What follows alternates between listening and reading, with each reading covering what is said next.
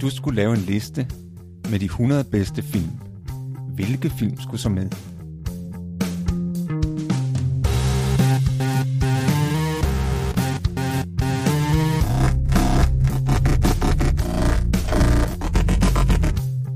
Hej, jeg hedder Morten. Og jeg hedder Thomas. Lyt med, når vi taler om vores liste med de 100 bedste film.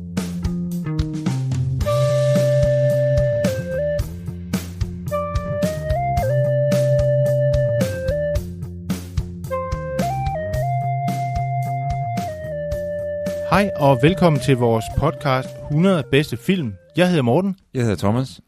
I dag er vi nået til film nummer 44 på vores lange liste. Vi er næsten halvvejs. Den film, vi skal snakke om i dag, den hedder Das Boot. Det er en tysk film fra 1981. Den er instrueret af tyskeren Wolfgang Petersen. Og den bygger på en roman af en forfatter, der hedder Lothar Günther Buchheim, der øhm, selv havde oplevet de her ting under krigen, og vist nok spiller eller ser sig selv som ham her Werner, der kommer ombord på ubåden som øh, rapporter eller journalist. Vi skal øh, som sædvanligt sige, at der er spoiler alert her. Vi afslører alt, hvad der sker i den her ubåd. Så nu er du advaret. Og øh, vi skal også lige sige, at det er en lang film, så øh, nu er du også advaret. Men Thomas, hvad er det egentlig, den her film, Das Boot, handler om? Uh, vi følger jo den her uh, tyske ubåd under 2. verdenskrig, og vi befinder os i slutningen af 1941. Og det starter med, at øh, de er i havn, og vi ser, at de øh, fester igennem og flipper lidt ud.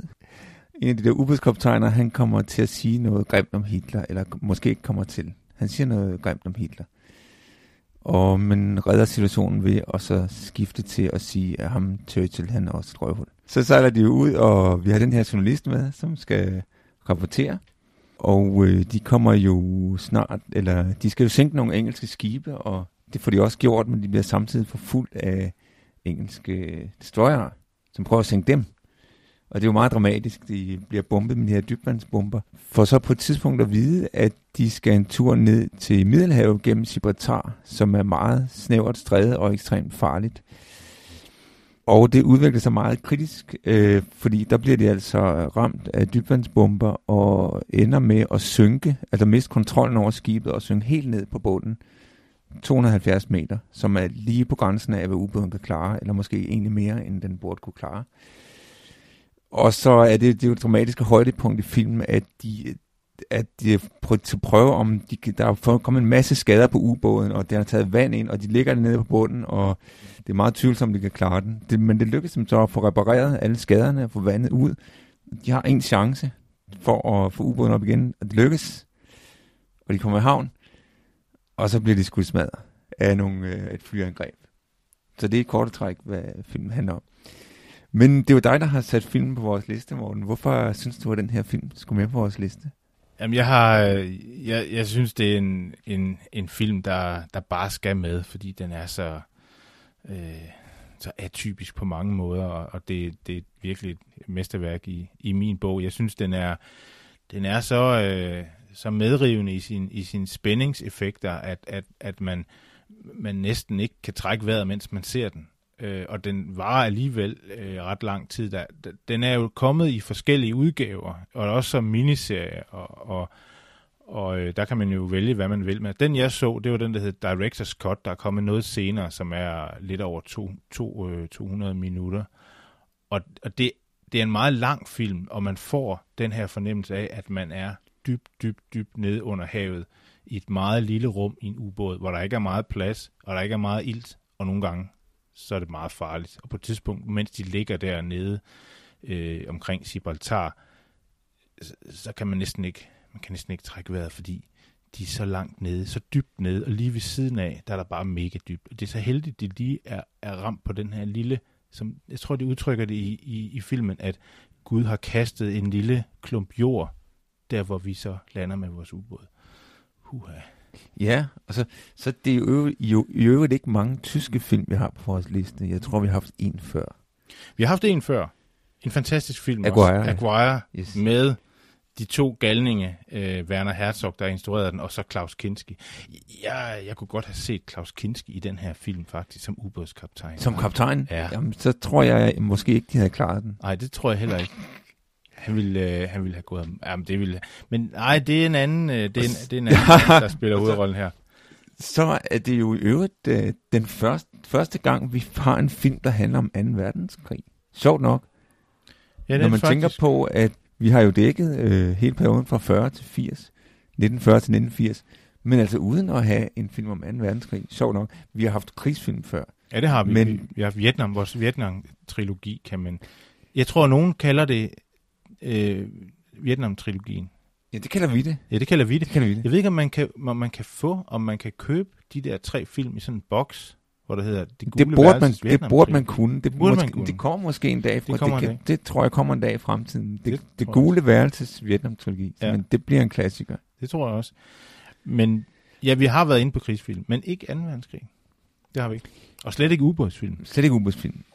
Det er jo en utrolig spændende film, øh, som du også var inde på. Og jeg kom til at tænke på, da jeg, da jeg tænkte over filmen, at hvis man skulle lave en spændingskurve for den her film, så ville den jo nogenlunde kunne følge ubådens dybde. Ja, bare Jo omvendt længere, bare omvendt, nemlig Ja. omvendt Ja, spejlet, ikke? Ja, altså, præcis. jo Ja, dybere ubåden kommer jo ned, jo mere spændende spændende ja. bliver det. Det er rigtigt. Det er rigtigt. Fordi der er jo, hvis vi prøver at lave den her kurve, ikke, så er der der, hvor de dykker ud, som det, eller hvad hedder det? Ja, det Der, hvor de starter at dykke ud, ikke? Ja. Så Så skal de, ud betyder, at man, nu går de ned under, Nu går de ned, ja, ja. overfladen, ikke? der, hvor deres øh, mission starter, ikke? Der laver kaptajnen jo et prøvedyk.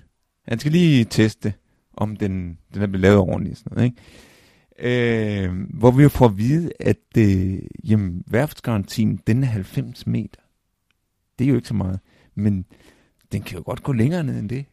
Altså, der var sådan en scene, hvor øh, en af øh, matroserne, eller det er måske øh, den næstkommanderende, jeg kan ikke huske, hvem det er, men han driller ham der journalisten, som ikke har været på en uge Werner, ja, den er helt grøn. mens ja. de laver det der prøvedyk, ikke? Sådan, ja, det, men den kan jo godt gå dybere, og de, og de skal jo dybere, ikke? Og hvor de efterhånden kommer ned, på, tror jeg, på 160 meter. Det var kaptajnen be, beordrer. Vi skal ned på 160 meter. Og der er altså også nogle af de andre, der bliver lidt nervøse. Det er ikke kun ham der journalisten. Jeg tror også, maskinmesteren begynder at blive nervøs. Så det er ligesom det første spændingstop, vi har der, ikke? Nå, okay. 160 meter, så op igen. Og det er jo ved sådan en analog pil på sådan en viser. Man kan se, nu går den over i rødt. Ej, den kommer ikke helt over i rødt, men den er tæt på. Ja. Og der er langt endnu, den kan godt, pilen kan komme meget længere ned. Ja, ja. Jeg tænker på, Thomas, tror du, de kan mærke, tror du, tror du man kan mærke, når man er sådan en ubåd, at man kommer langt ned, at sådan trykken for ørerne, eller?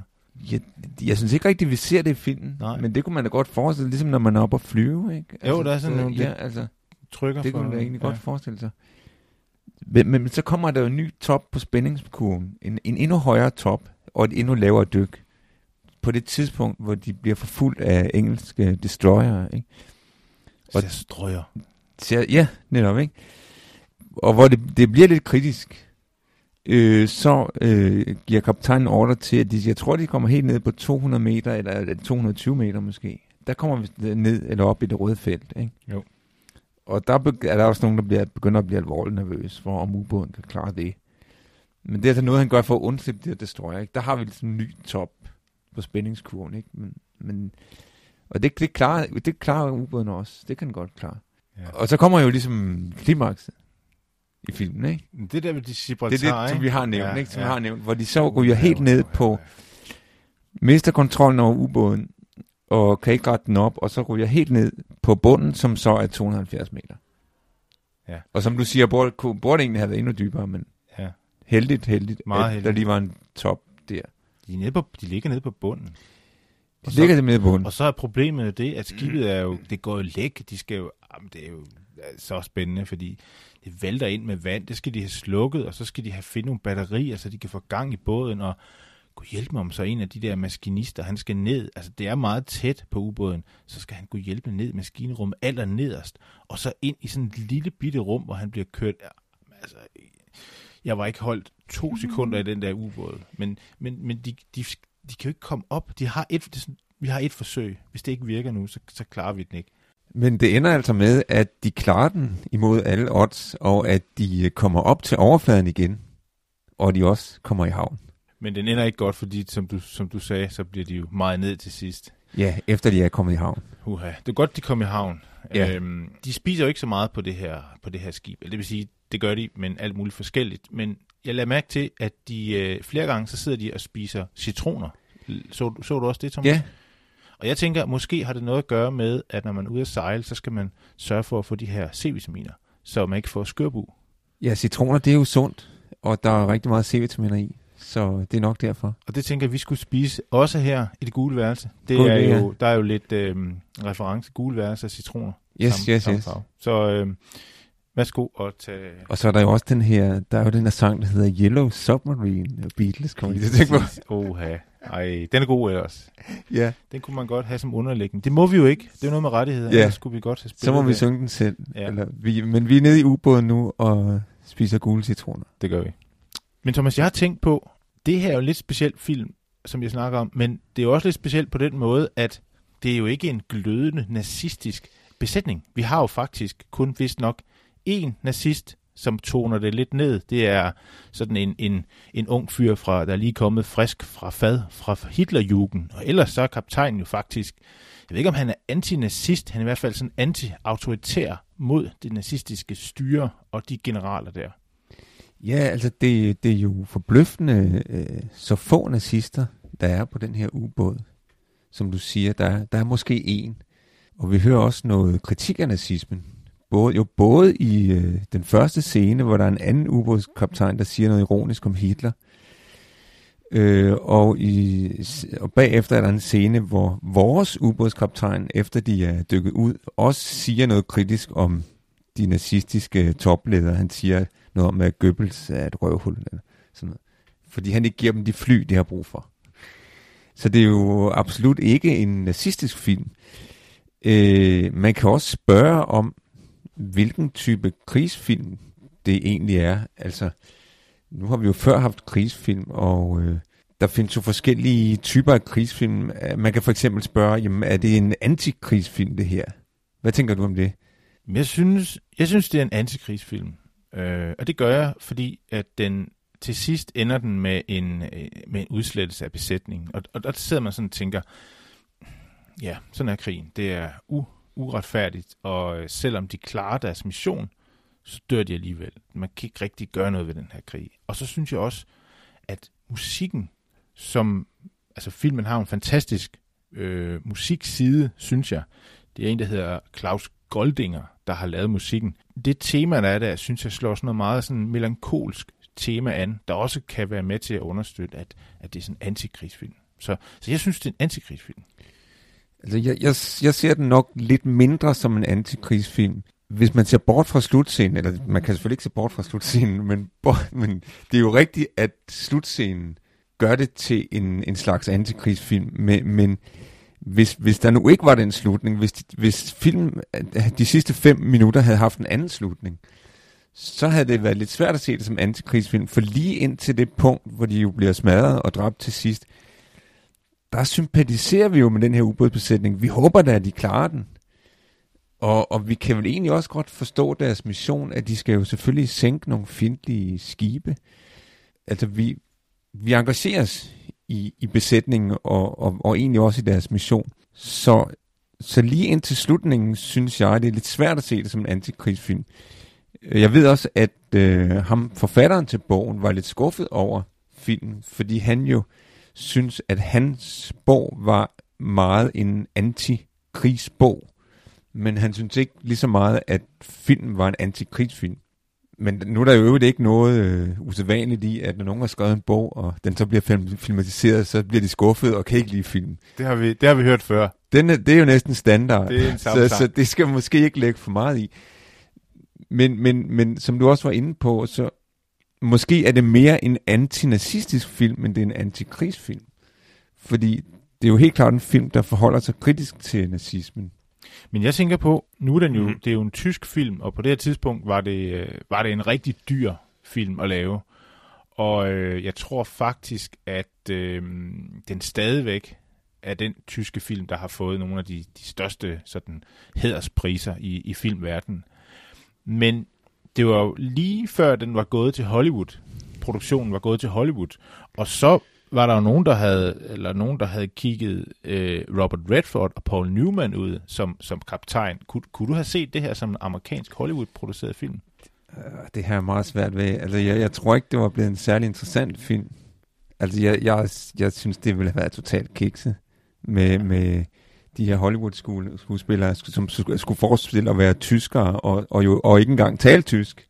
Nej, det fungerer ikke. Jeg tror ikke, for jeg tvivler på, at de ville have talt tysk. Så. Det, det tror jeg heller ikke, de havde gjort. Og det, det er jo det, der er en styrke ved filmen, at man, man er så, altså, at de taler tysk, og det er tysk produceret, og, og, øh, og, og det, det synes jeg er en kvalitet for filmen. Så får den nemlig, den får en lidt anden udformning end den her, måske lidt skabelonagtige, den måde, man laver film på i Hollywood. Altså det, det der det er også med til at gøre film autentisk, at øh, vi har tyske skuespillere, som taler tysk. Det, det synes jeg helt klart er en, er en styrke og, og gør filmen bedre, end jeg tror, den ville have været med, med Hollywood-skuespillere. Men, men hvordan, Thomas, det her med det autentiske, hvordan forholder det sig med det? Altså, der er jo det her med ubåde, øh, øh, tyske ubåde under 2. verdenskrig, er jo rigtigt nok, men var det, var det, var det sådan, det foregik? Ja, altså både over, altså på den ene side er jo meget autentisk, for eksempel, det man, hvordan ubåden er indrettet, og hvordan det var at være nede i sådan en ubåd, det tror jeg er meget autentisk. Øh, men altså, hvis vi sådan skal tale om historisk korrekthed, øh, altså nu synes jeg jo ikke, at man skal bedømme en film på, om den er historisk korrekt, fordi det, det kan sagtens være en god film, selvom den ikke er, er, er historisk korrekt. Og øh, der er også noget, der hedder kunstnerisk frihed. Men, men alligevel kan det godt være interessant at sammenligne med altså, de faktiske begivenheder i 2. verdenskrig. Vi får at vide, at øh, filmen her foregår i slutningen af 41. Og det var sådan med, med den her ubådskrig, at der var forskellige faser.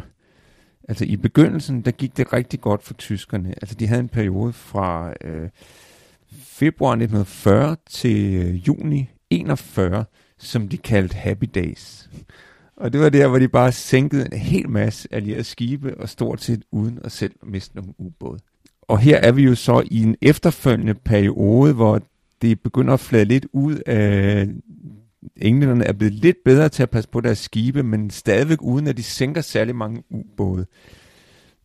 Så kommer det altså der, vi er nu, rent historiske film. Ikke? Så kommer der faktisk derefter i øh, 42, der kommer amerikanerne jo med i krigen.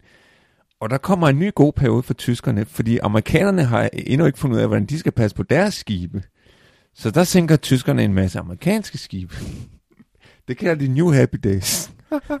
happy Days. Altså, ja, happy days. så kommer ind, og det er faktisk først i, øh, i maj 43, at det for alvor begynder at vende, altså hvor tyskerne virkelig begynder at tabe ubådskrigen og miste rigtig mange ubåde. Det kalder de for sorte maj, maj 43, ikke?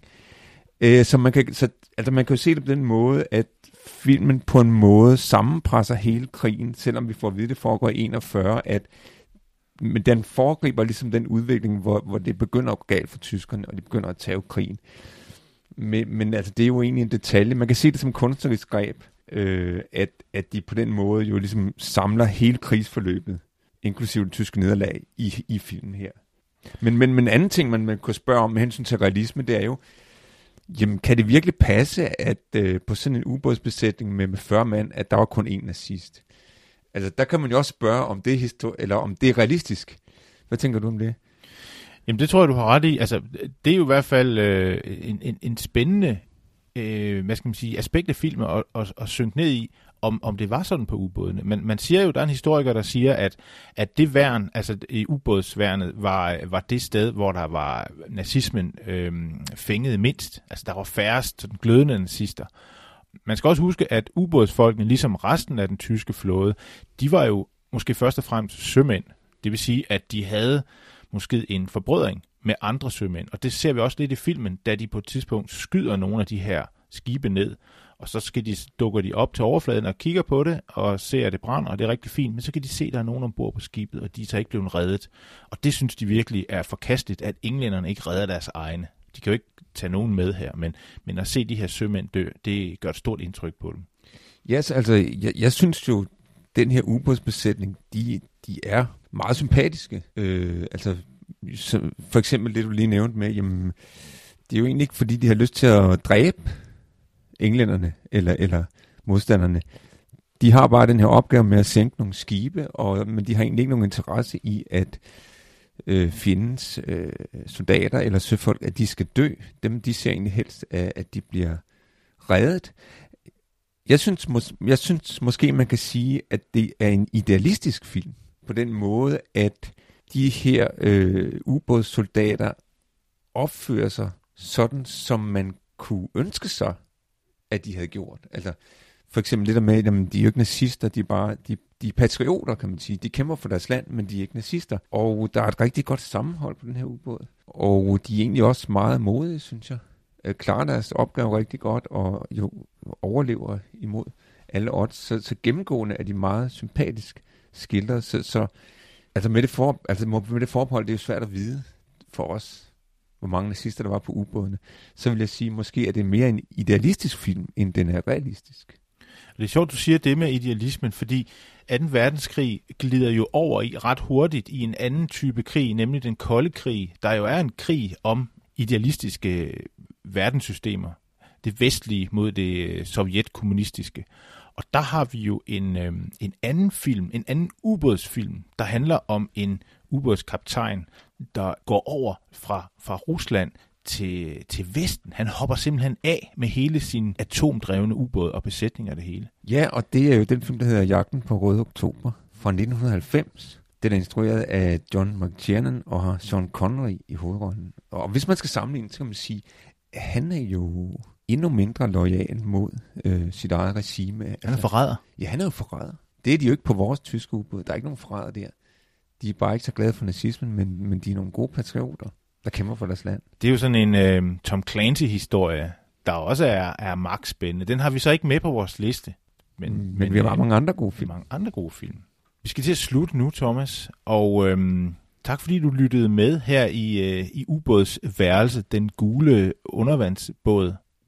Vi øh, ses jo igen i næste uge, hvor vi skal tale om, om endnu en film på vores liste over de 100 bedste film. Det er den film, der hedder Conan the Barbarian. Den er fra 1982, og den er instrueret af John Milius og har Arnold Schwarzenegger i hovedrollen. Og indtil vi ses, så hedder jeg Morten. Og jeg hedder Thomas.